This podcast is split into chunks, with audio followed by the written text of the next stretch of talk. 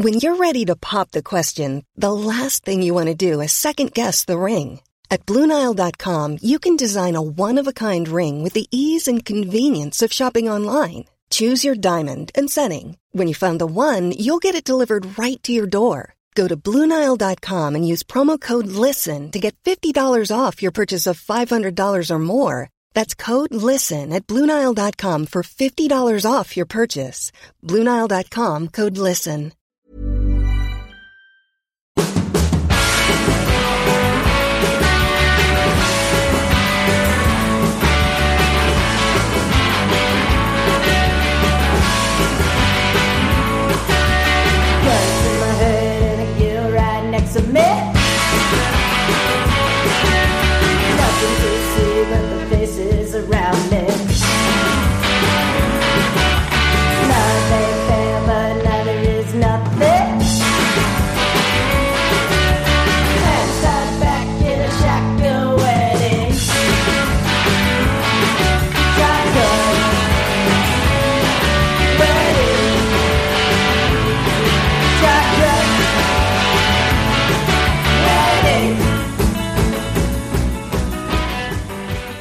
Välkomna ska ni vara till Indiepodden avsnitt 69 och vår specialare där Jakob Fredriksson har träffat ingen mindre än Bobby Rahal. Mm. Ja, han var en väldigt trevlig intervju och eh, han var ju uppe i åttan för att prata med mig.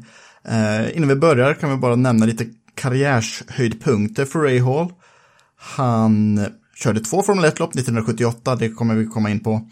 Han har vunnit Daytona 24 timmars och Sebring 12 timmars. Han har vunnit 24 Indycar-lopp plus ett lopp som inte ingick i mästerskapet.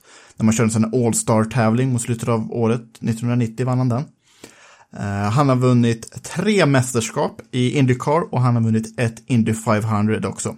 Som stallägare så har han vunnit två stycken eh, Indy 500.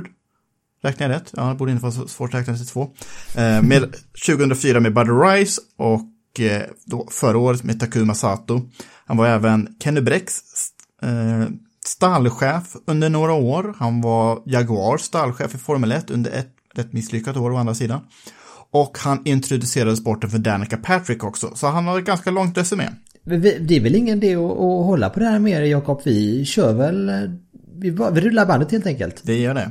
Uh, it's a real pleasure talking to you, Bobby Rahal. How is your day? Well, it's just starting, but thank you. Nice to be with you. Um, uh, you know, we're uh, it's getting closer. Every day gets closer to the start of the season, so we're all all excited about that. And uh, anyway, looking forward to uh, to uh, chatting with you. How long is your work day uh, these days? Because it's 8 a.m. for you right now. Yeah, well, you know, uh, I think anybody when racing will tell you it's not nine to five, as a you know, it's not a forty hour work week. It's usually a life, right? So it's uh, it's uh, seven days a week. Um, you know, if it's something that's uh, important in racing, it needs uh, needs to be taken care of. There is no time scale. It's whatever it takes to get it done. So, uh, you know, some days it can be a little less uh, demanding than others, but uh, for the most part, it's uh, it's as I said, 24 7, 365. And the passion never dies. That's correct. You, well, you have been you're in in the motorsport business your entire life because, if I'm not mistaken, your father dabbled in motorsport, and you you began your driving career in the 1970s. You drove Formula Two in Europe, uh, a lot of sports cars, and for a brief moment in time, you could call yourself a Formula One driver. Can you tell us a little bit about your Formula One experience? Well, it uh, it uh, naturally was not as long as I had hoped. um, you know, it was a fantastic. I was 25 years old. It was a fantastic uh, year that year for me. In 1978, I had uh, started the year in New Zealand racing in Formula Atlantic, and and uh, I raced. My teammate was Keke Rosberg, who I had raced against for several years in Formula Atlantic in North America, and um, uh, and then of course. Uh, right after the Long Beach Grand Prix from Atlantic race in '78, I was given uh, offered the ride to to race Dallara's uh, first Formula Three car, and of course Dallara would later dominate uh, Formula Three. Pretty much dominates everything today. Just about every race car built outside of Formula One is is built by Dallara, But um, And then, of course, at the end of the Formula Three season, the idea was to do the U.S. and Canadian Grand Prix, which we did, and which was a thrill. Um, you know, uh, it um, probably the Canadian Grand Prix was a, a, a more um, I don't know if I want to say uh, more positive for me. I mean, I finished 13th at Watkins Glen, but you know that race, I just wanted to make sure I didn't do anything stupid, and you know, I didn't want to crash the car, didn't want to uh, you know, I just wanted to finish, and which is basically what I did. And uh, and so I, um, excuse me, and so I, um, uh, but, uh, but then we went up to Montreal, the first race, first Canadian Grand Prix held at the Montreal circuit. Uh, and um, it was ra- it was raining quite hard uh, in one of the practice sessions, and I was fairly, I think it was P five or something. Uh, but um, uh, you know, just it was raining way too hard. I should never I should have been called in because I was not smart. You know, I'm a young guy. I'm trying to make my name. Anyway, went off and, and I tore the front corner off the car and um, and that was that. And I just happened to have the WR1. This is for Walter Wolf Racing. Uh, it was in a hotel uh, lobby as a show car. So they went and grabbed that, put an engine in it, and the next day, uh, I think, in, in, despite the odds, uh, qualified the car and actually had a pretty good race going. It passed James Hunt, Pironi, um, Ma. I think I was running about 10th very early in the race. I'd moved up about eight, eight places or so, but it had a, um, you know, it had not been maintained. And, and over the course of that year, and a fuel, a fuel valve in the fuel tank stuck open. So as the fuel load went down, it started, you know, it would misfire on in corners. And so that was really the end of that. And, um, you know, uh, course, naturally, I was hoping it was going to continue for 1979. Uh, it didn't. You know, they hired James Hunt, and he insisted that it be a, a one one driver uh, team. And um, anyway, they uh, uh, if I you know that was the end of my Formula One career. I went to Europe in Formula Two in '79, hoping that that would keep me close in the event something opened up, but nothing ever really opened up again. And and also in 1979, um, I started racing in the Can Am series back here in the United States. I replaced George Follmer, who was one of the greatest uh, race car drivers in American history, and he had had back injury from a crash the year before. So they asked me to take over his place, and and uh, you know that was that. I, never went back to Europe full time. I, I, still raced in Europe and at Le Mans and uh, some of the sports car races, Nurburgring, what have you. But um, but uh, I never lived in Europe again or, or raced. And then you ended up in IndyCar, so that means that you did not have any oval experience before you got into IndyCar racing. No, I mean, you know, to be frank, I I didn't really have much interest in IndyCar eh, growing up. Um, you know, you, you you you make the mistake of thinking, oh, there can't be too much of that. All you do is turn left, and uh, uh, the first time you drive an oval, you realize that it's uh, a lot more complicated than that. Um, but uh, no, in 1981, Jim Trueman, who uh, was my uh, had been a part-time sponsor of mine since I started racing, he he came to me and he said uh, he said if you're smart, you'll say yes to everything I say. And of course, I knew I knew Jim, so I had no problem, you know, saying yes. And he said, I want to start my own IndyCar team uh, want you to drive the car. You know, uh, you need to help put the team together, find the people. And so, you know, and that was certainly the best offer I had at that point in time. This is the end of 1981. And uh, so uh, moved to Columbus, Ohio, which is where Jim was based, and uh, reached out. Jim and I reached out to Steve Horne, who had been with the VDS Formula 5000 and Can Am teams for many years, and and uh, asked Steve to be the team manager, which he agreed to. And um, you know, in those days, IndyCar racing was a lot simpler. I, mean, I think we had five or six people in, as the team. Uh, the big thing, however, was that none of us had any oval track experience, not not one lap. So when we went to the first race in Phoenix, which is a one mile oval, very fast oval, we were um, shell shocked. I think is a good word to describe it. You know, just absolutely uh, shocked at the um, at the difficulty to it and the nuances to it and of course in the race i qualified i think maybe 20th out of 27 people and uh, in a race to the first fuel stop they caught caught me on fire a fuel fuel uh, line issue caught me on fire, and, and that was the end of that. And and we left that racetrack absolutely with our heads spinning, you know, thinking, "Oh my God, what have we gotten ourselves into?" Uh, and we didn't even do the second race, which was in Atlanta Speedway. We just decided to we better go back, regroup, and figure out what what's going on. And at that time, we uh, we hired a, an engineer who had a lot of experience with ovals, a fellow named Lee Dykstra, who'd been around for many years, and um, things got better starting at Indy. But boy, that, that, after that first race, it was uh, it was like, oh my god, you know, you know, this is uh, this is not going to be what we thought it was. IndyCar was now the place to be, even for a road course guy like yourself.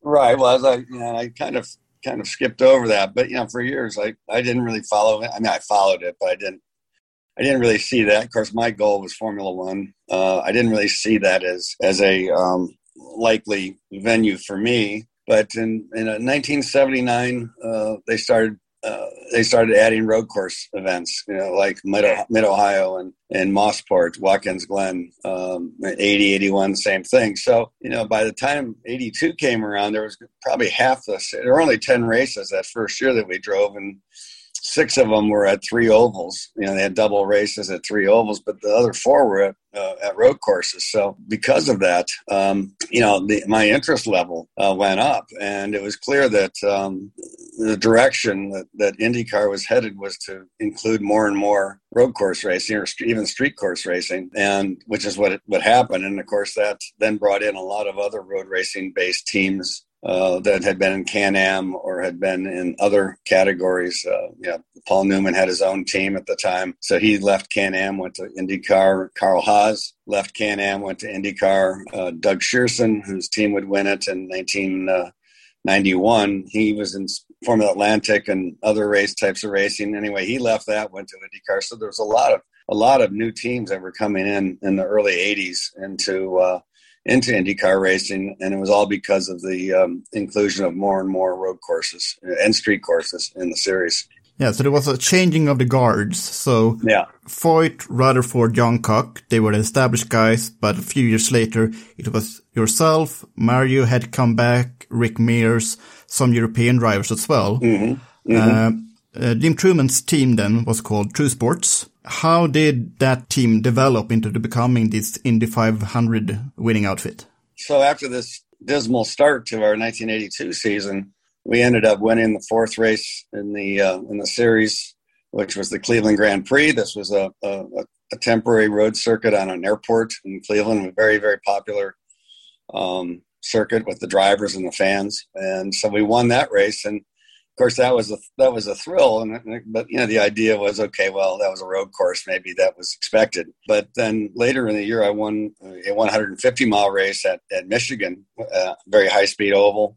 And that for me was felt really good because we we were now winning on um, those types of circuits. And so uh, i ended up finishing second in the championship in 1982 and, and won two races uh, two of the nine. So we only did nine races that year. And um, you know that really gave us the confidence, I suppose, to to go forward. We had a very good engine builder. In those, in those days, you built your own engines, so we had a fellow named Franz Weis out of Midland, Texas, and Franz uh, built engines for Jim Hall, the, che- the Chevy engines for uh, for Jim Hall, and you know in the old Can Am and USRC, and then built for Chaparral and IndyCar. So Franz was certainly one of the best. Mario and I really used uh, his engines uh, probably exclusively while you could still build your own. And, um, and of course, as I said, we brought uh, this fellow Lee Dykstra, who had many years of engineering and all kinds of racing in the states. He'd been an ex uh, Chevrolet engineer, so um, you know he brought a lot of um, experience, you know, and knowledge to us. And you know, we just uh, and it was still pretty much the same team, same team in '83, and and and so we had some good races in '83. I think we finished uh, fifth in the championship in 84. Uh, of course, uh, this is when Adrian Newey came to us from March Engineering, and Adrian became my engineer. And he would be my engineer for the next several years. And of course, Adrian didn't know much about oval racing when he came to us. He'd never had any real experience but you know, naturally he's a, he would be a very quick learner, and um, and we worked very well together. Adrian and I had a very strong working rela- personal relationship, but working relationship as well, and and um, you know it was one of those relationships where it's almost like I could answer a question before he asked it. You know, you were just that much in sync with each other. Uh, it was really a special time. 84, we won a couple of races. Of course, 85, I think we had 10 pole positions, won three races, I think, in 85. You know, really, the team had really done a good job of developing itself. And, um, you know, and it was a one car team all those years. So it really allowed, allowed all the focus to be on me and on the one car. And, and, uh, you know, I think oftentimes a one car program is, can be just as strong as a multi car program if you have the right people involved. And, uh, it was just a good, good working relationship between all of us. And really, by 1985, True Sports became, you know, one of the best teams in IndyCar racing, and um, and that would be that would be realized in 1986 when we won Indy and we won our first championship. 87, we won the championship again, and uh, um, apologies for the bird chirping outside. and uh, anyway. Um, uh, you know, it really developed itself into one of the best teams for sure. And, um, you know, unfortunately, it kind of took some turns in directions that I wasn't supportive of. And, and, and I left the team, which was probably a mistake uh, in the end, but um, it seemed like the right thing to do. And it just in five years, we went from, or six years, we went from nobody ever even having heard of True Sports to being one of the dominant teams in the series. And that was a pretty special time. Mm. What, what, what did uh, Indy 500 mean for you personally? Um, I think the biggest thing it meant for us, all of us, was uh, of course Jim Trueman, who had done so much to bring us together, uh, was gravely ill with cancer, and in fact would die uh, ten, like nine days after the race. Uh, thankfully, he was able to see the race and to realize his dream of winning the 500. You know, for all of us, that was quite a bittersweet moment. Uh, we really did not get to celebrate, as you might imagine uh, with uh, with his health uh, being you know hanging over our heads is you know the, the, the situation that was that was prevailing mm. and um, uh, so it was and yet you know hey, you win the Indy 500 you know in in the world the Indy 500 is probably one of the most known races uh, maybe after Le Mans you know Monaco you know something like that there's probably three major races and and and uh, and Indy would be one of those and um, so you know it just changed your life to a large extent. But um, you know, for me, it was uh, it gave us. I think the, again, that was the big one, right? You'd, I'd won a number of races prior to to winning Indy that year, but I think I'd won I don't know eight nine races maybe by that time. But you know, it's not Indy. In IndyCar racing, you haven't done anything until you win Indy, right?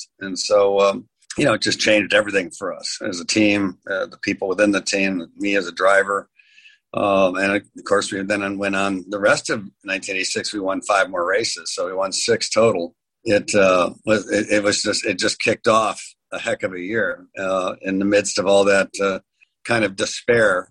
It kicked off a hell of a year, and and uh, then again, not many times does somebody win the championship two years in a row, but that's what we did, and we won more races. So it really kind of uh, lit a spark under the team I think, and um, and that's what uh, continued to create you know the team as it was as such a good team. It was one you know success led to success right?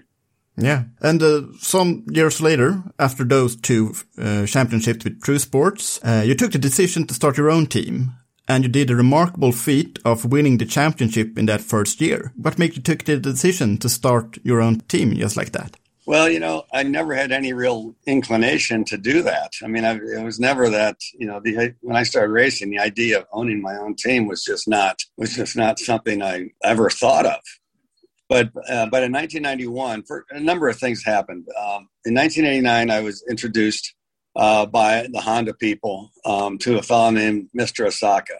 I was asked to invite him to the Long Beach Grand Prix in 1989. I was driving for Kraco, and so I invited Mr. Osaka. He didn't. He wasn't wearing anything with Honda on it. He was just kind of observing, and um, we we built we we developed a very good relationship. So by the time you know, and that happened, that continued to build in '90 and '91.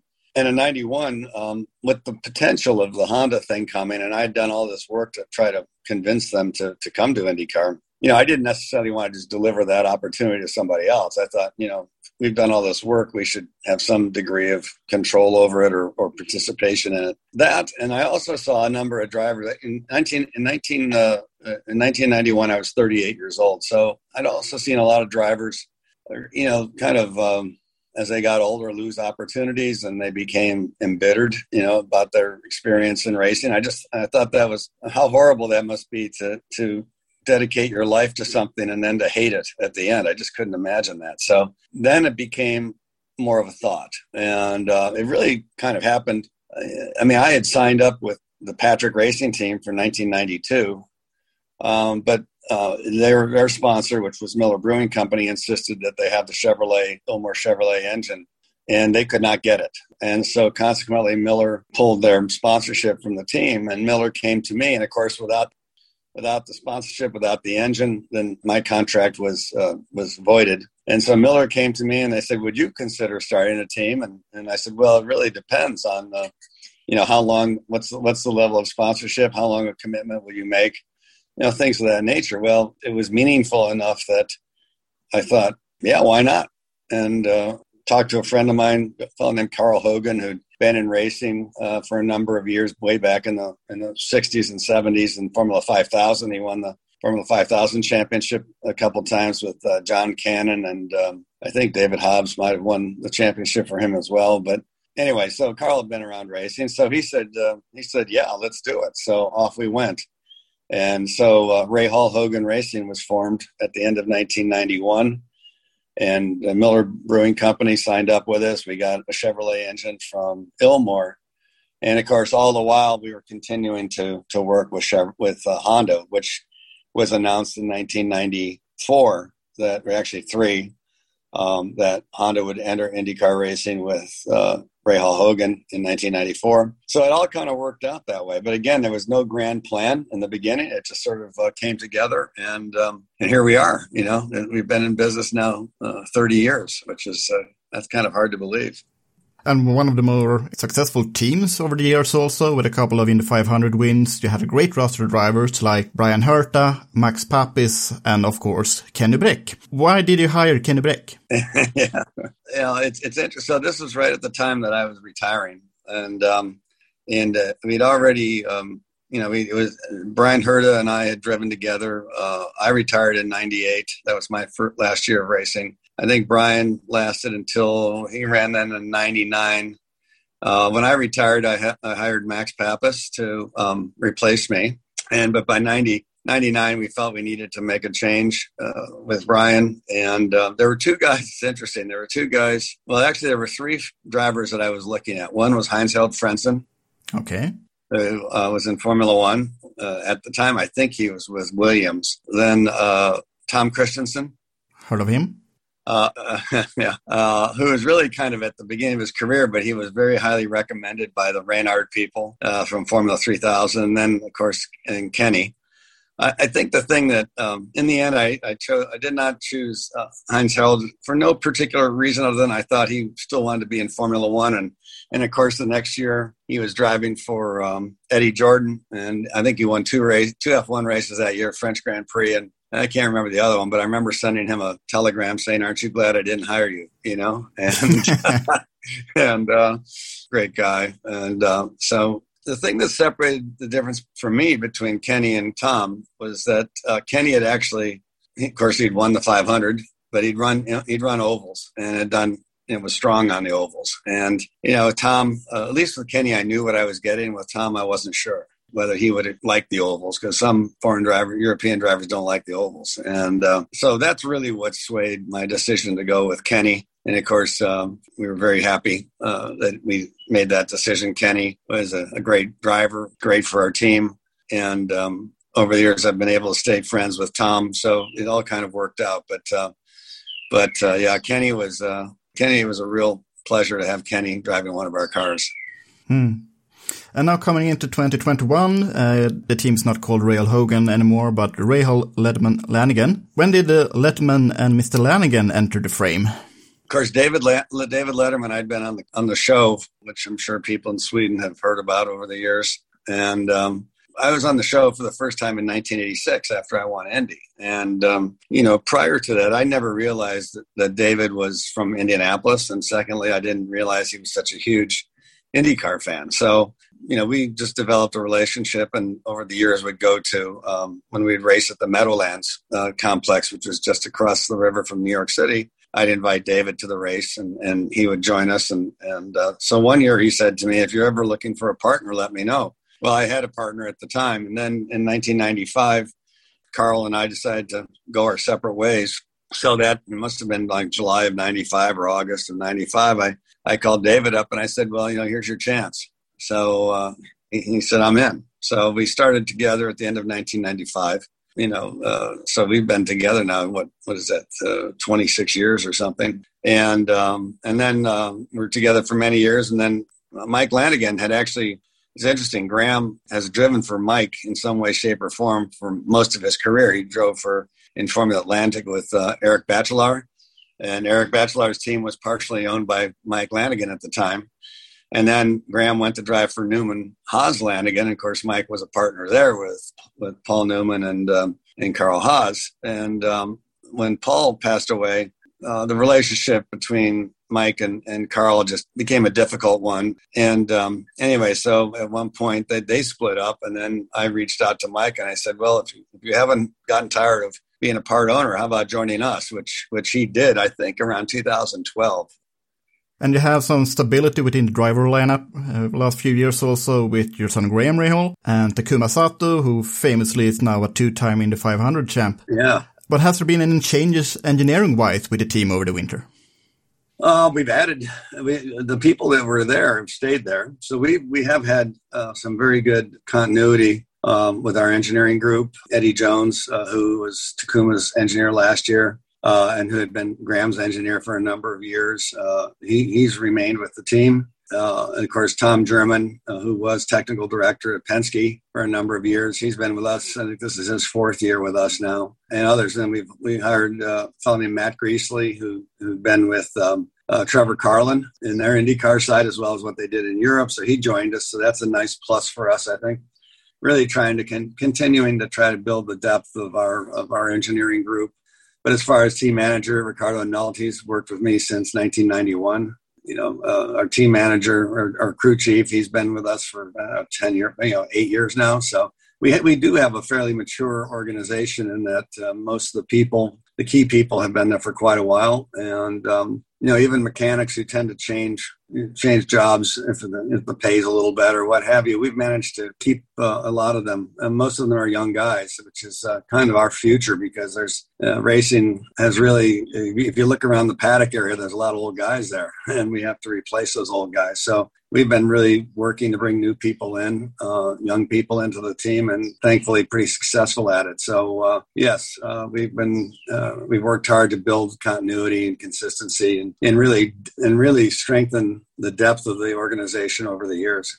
So it sounds quite optimistic until up to this season, right? Well, I think so. I mean, you're always optimistic. You know, in racing, you have to be an optimist. But um, I think that you know we've we've undertaken some developments. I think on the car that I think from a, from a you know from a chassis standpoint, I think have shown in testing already this year that they've been beneficial. And in some cases, we're just starting on it. So as time goes on, we I presume we'll get even more knowledgeable with how to take advantage of that. Yeah, so I think the the off season has been quite productive uh, in our development. Thankfully, we've been able to bring in a number of new sponsors because let's face it, as you well know, without the money, it's pretty hard to go do what you enjoy to do and many of them are multi-year so there's some again continu- continuity in that regard so um, you know i'm optimistic but you know we have to go out and earn it every day too. It's not it's not just going to happen. I mean we have to we have to work hard when you're racing against people like Penske and Andretti and and uh, you know McLaren now they did a good job last year. And there's others. Uh, I mean it's a tough it's a tough series to to succeed in. And that's why you work 24 7 that's that's correct. That's correct. Uh, a final question then. Is there an opportunity for a third car for the Indy 500? You know, we've had a third car at Indy probably the last five years or so. Some races have been a little bit more productive for us by that third car than others. But I think this year we're going to have a we're going to have a strong uh, candidate in that uh, car. And and uh, as I think you know, you've probably heard, uh, you know, over the last several years we've tried to do what we can to become a third car team uh, for the whole series. We're not there yet, but we're working on it. And I think this year you'll see we'll, we'll probably be in about uh, I would say five to six races with a third car, and hopefully that's as a you know an introduction to 2022. Sounds great. Very interesting. So, Bob Rahal, thank you very much for talking to me this past half hour. Thank you. Uh, I'll let you continue with your day now. So, uh, thank you very much and good luck this season. Yeah, thank you. Good talking with you. Cheers.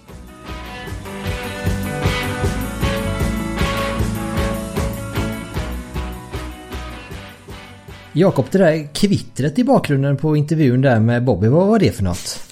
det hörs några gånger. Han satt i, i, vid sovrumsfönstret och det såg ut att vara ganska varmt eh, där i Ohio där han bor. Och det var en del fåglar som satt och kvittrade precis utanför. ja, vi får känslor deluxe då. Ja, verkligen. Särskilt eftersom här i Uppsala snöade på morgonen. Så, så det var verkligen tvärtom. Men ja, Yes, men tack för den här veckan. Tack till våra samarbetspartners Automotorsport och tickeracing.com. Och tack till våra lyssnare såklart. Stort tack alla. Tack och hej så ses vi nästa vecka. Hej. Tja.